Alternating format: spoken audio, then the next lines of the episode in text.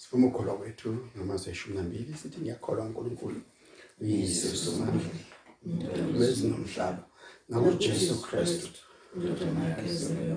inkosi yethu wamukelwa kumoya ngcwele wazalwa intombi uMaria wahlupheka kuBontu Pilato wabethelwa esiphambanweni wafa wembele wehlela esifokweni ngosuku lwesithathu ngokuvuka kwabafileyo wenyukela ngokwezulwini ehleli ngasokunene sikaNkulunkulu. uYesu somandla lapho yakuvela khona ezothetha amacala abahlezini nabafileyo.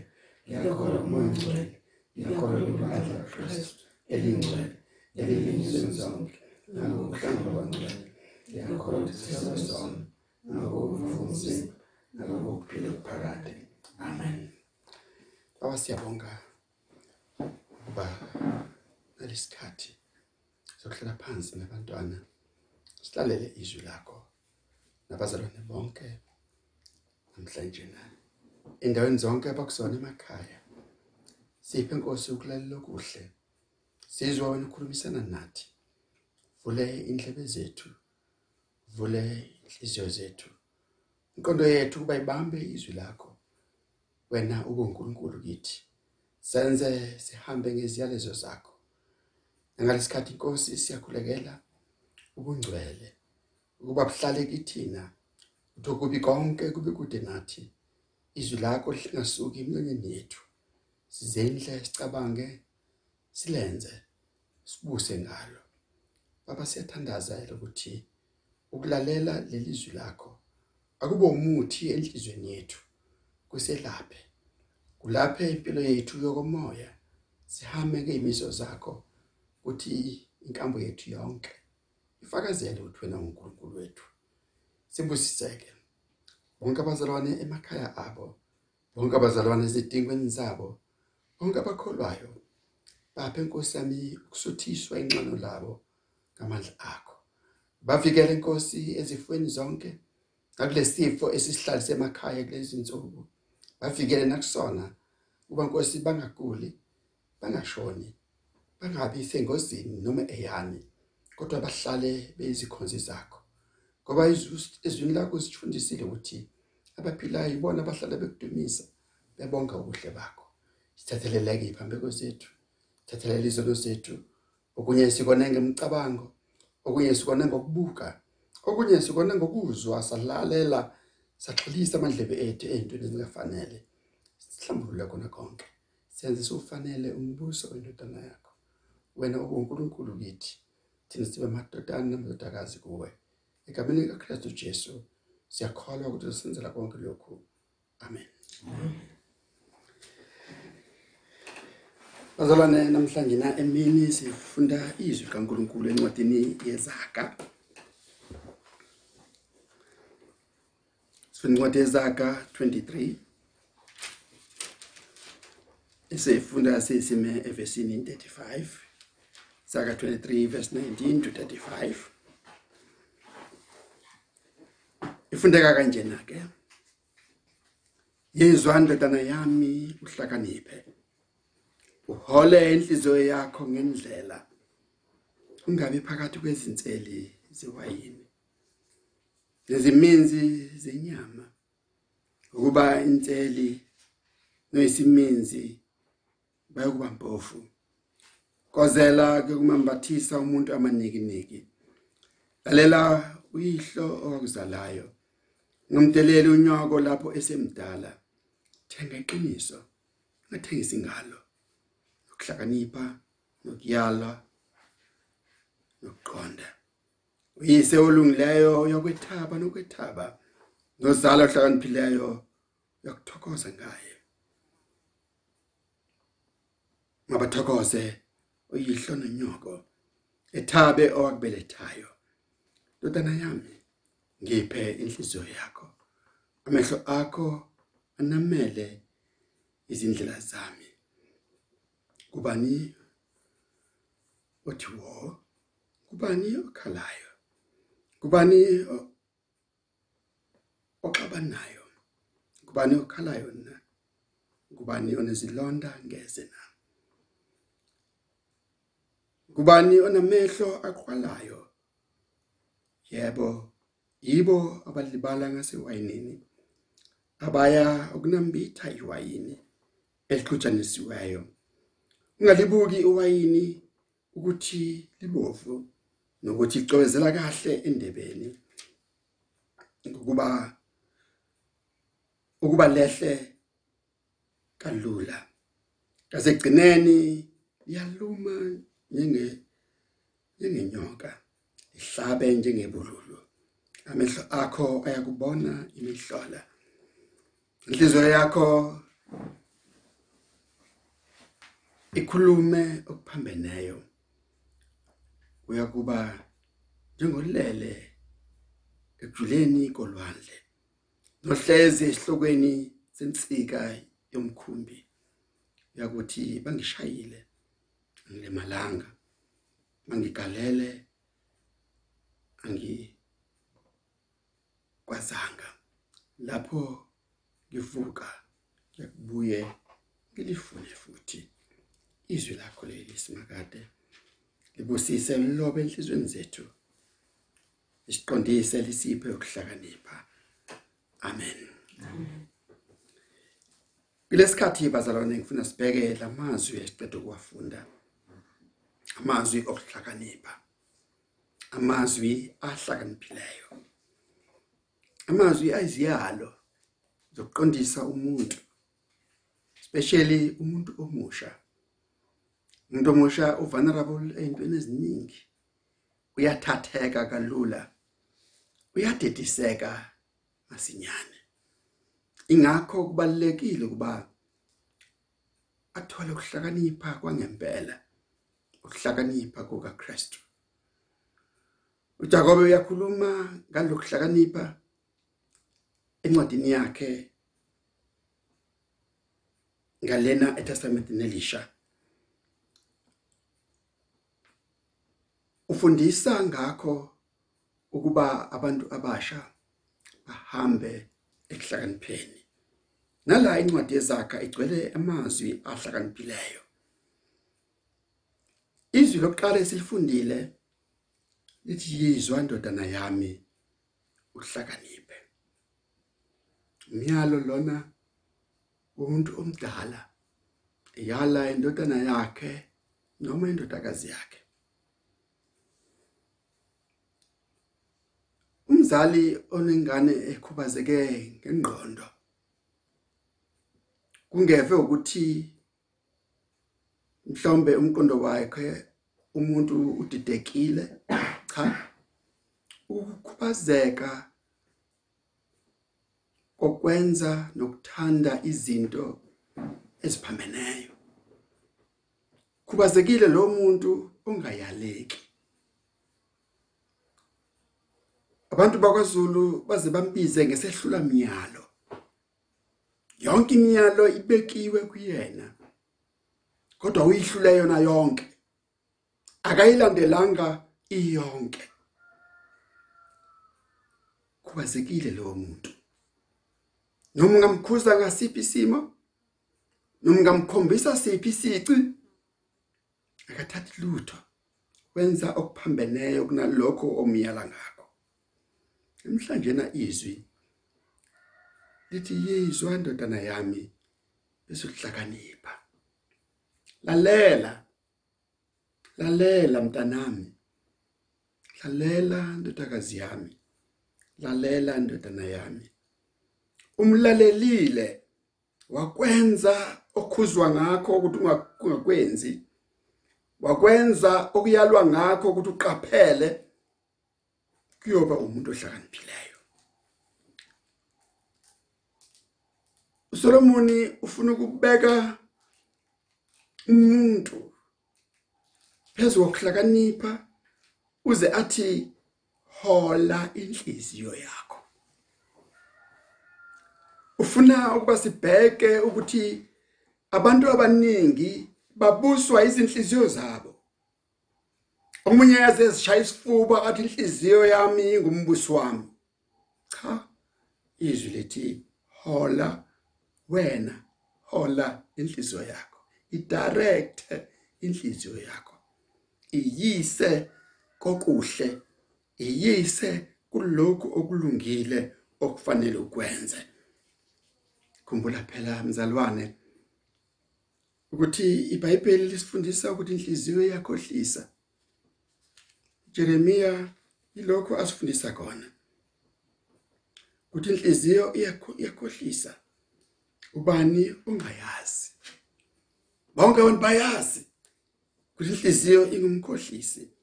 Ingakho izwi lithi ihole. Wena icontrole ihole inhliziyo yakho ngendlela. Ngabi phakathi kwezinsele zewayini neziminzi zenyama. Kulezi insuku sihlele emakhaya kunale lockdown. Kunesililo esikhulu. Ayisokuthi uhulumeni akasinikeze amakhambi. Ayisokuthi uhulumeni akasinakile. Ayisokuthi uhulumeni akasibheki ngama food parcel nangokudla. Kodwa isililo sokuthi ubuvaleleni utshwala. Ngoba yilokho abantu abakuphilelayo. Kodwa izwi lithi namhlanje nayizwa ndodana yami uhlakaniphe. Ungabi phakathi kwezinseli ungabi phakathi kwabaphuzi.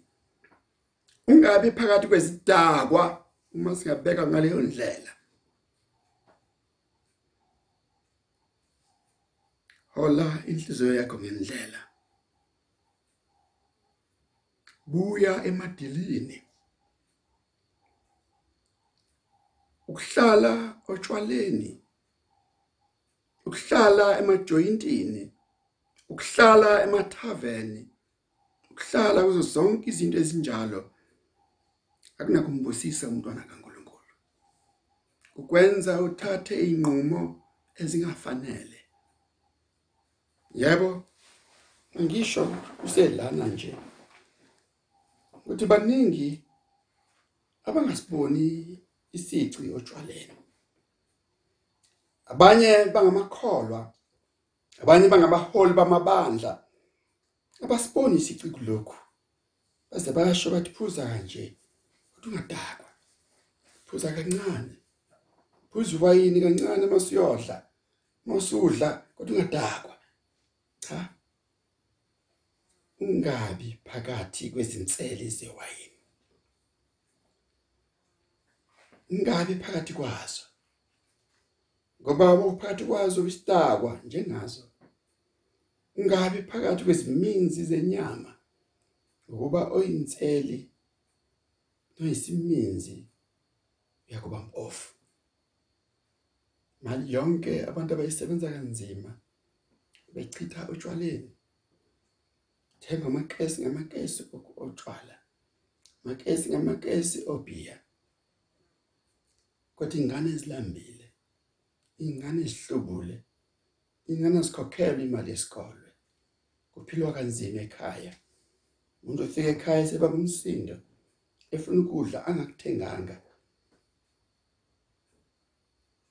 Kodwa utshwala obuthengile ingabi phakathi kwezinseli sewayini nezimizi zenyama. Ngokuba oyinseli nesimizi uyakuba mpofu. Kozela yokumbathisa umuntu amanikiniki dakwa hayi kozela nje.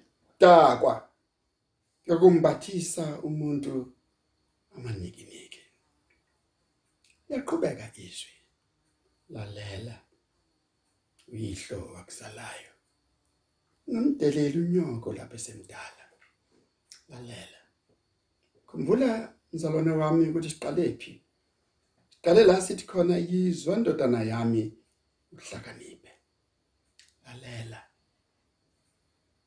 Lalela ukusolwa. Lalela ukukhuzwa. Lalela ukuxwayiswa. Lalela ukuqondiswa. Ukunikezwa indlela enhle. Lalele abantu abadala cha ukuthi badala akubenzi babe izilima akubenzi babe iziphukuphuku kodwa kunaloko kubenza babe ngabahlakaniphileyo kunawe ngoba bayayazi yonke indlela ohamba ngayo. Lalela uyihlo wakuzalayo ngamdelela umnyoko lapho esemdala. Ngithenga iqiniso. Thenga iqiniso. Iba umuntu weqiniso. Lenze iqiniso libe injongo yempilo yakho. Lenze iqiniso libe umgomo wokuphila kwakho.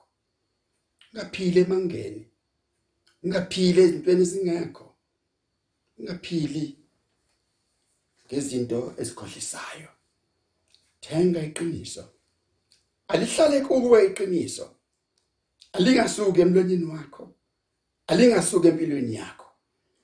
Kwisikhathi namhlanje nabantu baphila ngezingathekiso. Baphila ngezinto ezingekho. Baphila ngesigokhohlisana ngoba befuna ukujabulisana. Hayi mangimtshela iqiniso suka thukuthela hayi mangimtshela iqiniso uzophoxeka. Hayi mangimtshela iqiniso akuzuba fair thenga iqiniso. Ungathengisi ngalo. Thenga nokuyalwa nokuhlakanipha nokuqonda. Qiniso lihambisana nokuhlakanipha. Qiniso lihambisana nokuvuma ukulaywa. Iqiniso lihambisana nokuba umuntu oqondile. Musa ukukhuluma into ezojabulisa abantu just because unqena ubaphoxa unqena ubadumaza mokunjalo ngumuntu wamanga umuntu wenkohliso. Iqiniso liyahlaba. Alikaze libe mnandi kodwa yiba umuntu weqiniso. Stand firm and speak the truth. No matter what thenga iqiniso. Ngadayisi ngalo emehlweni abangani bakho emehlweni ontanga yenu emehlweni omhlaba. Khuluma iqiniso. Sibaswela abantu beqiniso. Sibaswela abantu beqiniso besikhathi ngoba yonke inkulumo namhlanje na ibheka amehlo abantu. Ibheka ukuthi abantu bathini even ivangeli namhlanje linamanga phakathi. Ngoba bashumayeli balesikhathi bafuna ukuthokozisa abalandeli babo. Bashumayeli nabefundisi balesikhathi bafuna inkulumo ezogitaza abantu. Mase bekitazekile abantu bese beba nabalandeli abaningi kodwa bayisihogweni khuluma iqiniso. Njengenceko nesikhonzo sikaNkuluNkulu khuluma iqiniso. Jesu ngelilanga uthi mina ngiyindlela ngiqiniso ngokuphila. Jesu uma ephambi kaPlato uPlato emfaka imibuzo eminingi uthi uJesu ngizofakazela iqiniso. Ngizofakazela iqiniso. Uthi uPlato liyini iqiniso? Akaliboni limi phambi kwakhe. Jesu uyiqiniso. Ngiyindlela ngiyiqiniso ngiyokuphila. Wena ke mzalwane wami uma ulitholile iqiniso ungalidedeli. Ngithengisi ngalo ima eqinisweni. Thenga iqiniso ungathengisi ngalo yise olungileyo yakwethaba. Nokwethaba nozala ohlakaniphileyo yakuthokoza ngaye. Hlakanipha kumi kulokhu. Kuthi uyalenza izwi kaNkuluNkulu ulizwile yizwa ndodana yami. Uhlakaniphe. Hole inhliziyo yakho ngendlela. Awathokoze uyihlo nenyoko ethabe owakubelethayo ndodana yami ngiphe inhliziyo yakho. Mhlawumbe bekufanele siqale la. Mhlambe bekufanele siqale la. Kuleli izwi uthi ngiphe inhliziyo yakho. Ngoba uma inhliziyo yakho ikude noNkulunkulu ayikho enye into ezophinda yenzeke kuwena. Ayikho enye into ezoshintsha ukuphila kwakho. uNkulunkulu ufuna inhliziyo yakho ukuze umuzwe ukuze uhole inhliziyo yakho ngendlela. Thatha inhliziyo yakho uyibeke esandleni sikaSomandla. Ngiphe inhliziyo yakho. Ilapha ugcwele khona konke okomuntu ngamanye amagama uthi ngiphe uqobo lwakho. Ikhumbula manje iculo labantu benguquko. Uma bethi ngizinikela inkosi komzimba nangomoya mangibe ngumnikelo kuwe kwaphakade ngiphe inhliziyo yakho. Ubona izinto zakho zifohla. Ubona izinto zakho zinhlanhlatha. Ubona izinto zakho zihamba ngalena nangalena nangalena. Ingoba inhliziyo yakho ingoba umqondo wakho ingoba wena. Osiyena okaThixo. Khulumile emalangeni adlule njengomuntu wenguquko. Kathi angiseyena okwami kodwa ngomsindisi wami othembekileyo uJesu Kristu ngoba ngiyena wahlalela zonke izinto zami igazi lakhe enqabileyo yanginakekela kangokuthi nanwele lunye lwekhanda lami ke lilahleke ngavumba kwasesizweni ngiyena owami. Angisaziphileli mina ngiphilela umsindisi wami. Angisazi angisayenzi intando yami ngenza intando ewangifela esiphambanweni. Lokho akushoyo uNkulunkulu namhlanje kuwe. Ngiphe inhliziyo yakho. Inhliziyo yakho igcwele izinto zezwe igcwele imisebenzi yobumnyama. Umqondo wakho ugcwele konke usathane akufakile kuwena. Zonke izifiso ezimbi zihleli kuwe. Kodwa kulosuku kulosuku kulenkonzo uthi uNkulunkulu kwanga kwanga leyo mpilo. Kwanga leyo ngqondo kwanga leyo mcabango kwanga leyo nhliziyo kwanga leyo ntando yakho ukungangipha yona ngiphe iwonke lakho. Ngiphe iwonke lakho. Cha lokhu kungaphezulu kokuphakamisa isandla nje esontweni uthi uyazinikela lokhu kungaphezulu kokusukuma nje enkonzweni uya ngaphambili kumfundisi. Kodwa konke lokho kuphakamisa isandla nokusukuma phambili kuyisiqalo uNkulunkulu uthi nginike konke ke manje.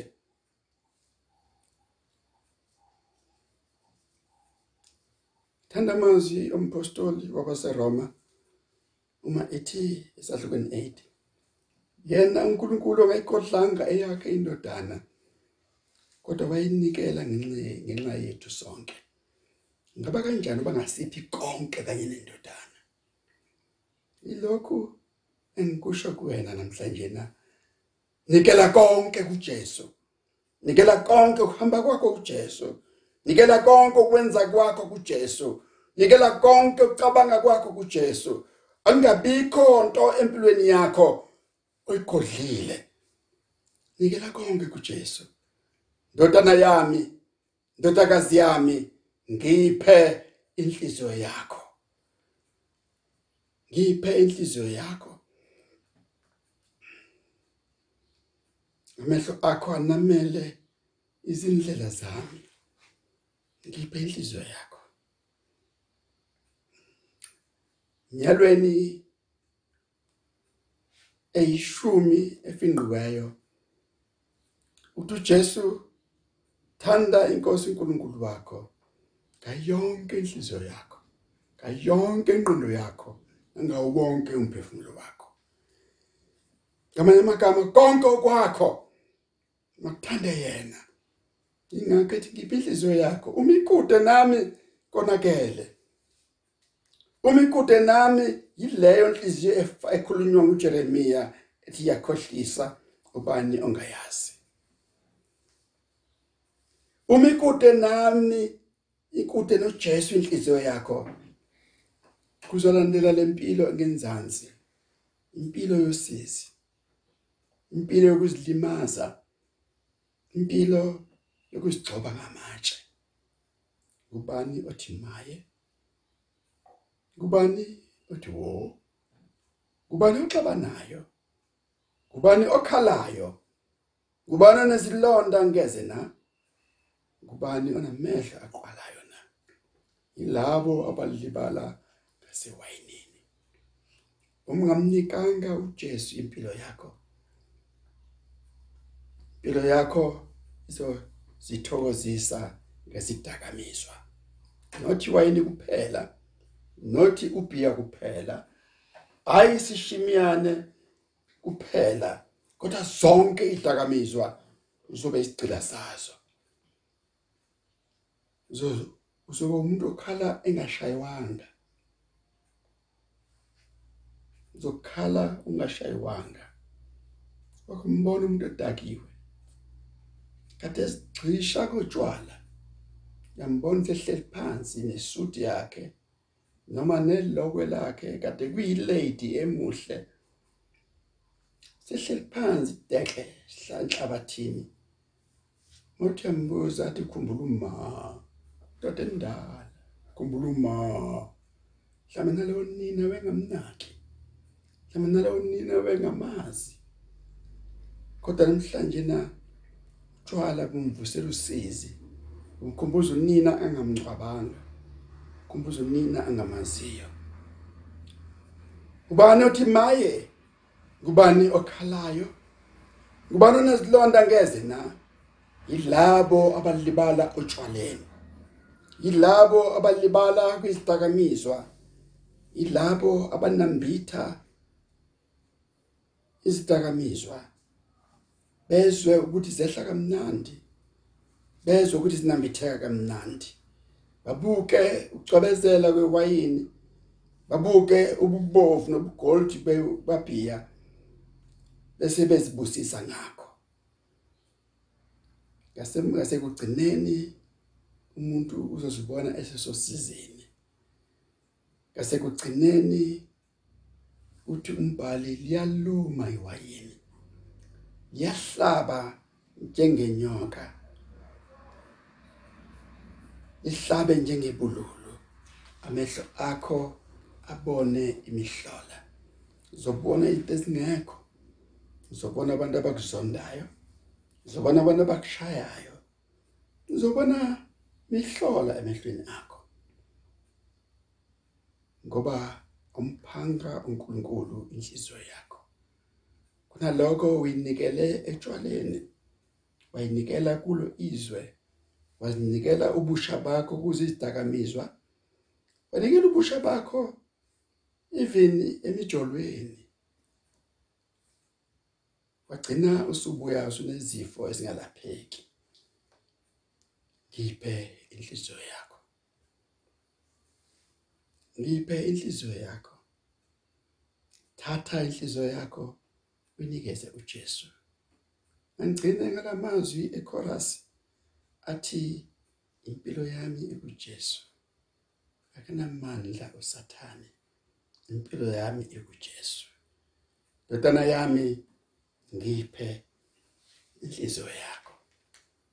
Yezwa ndodana yami uhlakaniphe.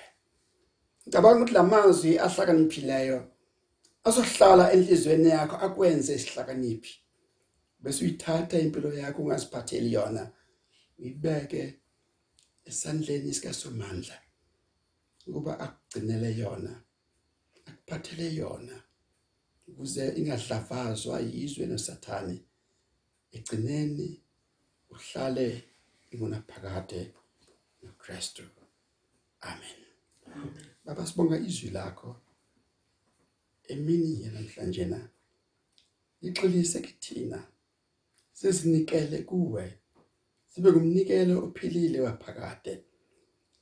Ngoba masizinikela kuwena Sisinikela kumuntu ozolondoloza impilo yethu. Uzosipha konke kanye noKristu. Impilo yethu, kusasa lethu, amacareer ethu, imfundo yethu nenhlala kahle yethu konke kukuwe. Kusuku letha lomzalwane ozibona kukuhle ukubathatha impilo yakhe ayinikele kuwena. Ngiletha nalo yamzalwane. Othi mphathele eyakhe impilo. Letha nalo yamndeni uthi inkosi bangaphila kangcono uma behleli kuwe. Letha nalaba yana nalaba yana nalaba yana benze inkosi sembezwe izwi lakho bahlakaniphe. Baqondise inyawo zabo, baqondise izindlela zabo. Busisa baba lelizwi egameni lika Christ inkosi. Ngosa inkosi yethu Jesu. Thando lika baba uNkulunkulu, hlanganyela kamoya ingcwele akube nathi sonke. Gcina kulondoloze kusivikele azafika uKristu Jesu. Inkosi yethu. Amen.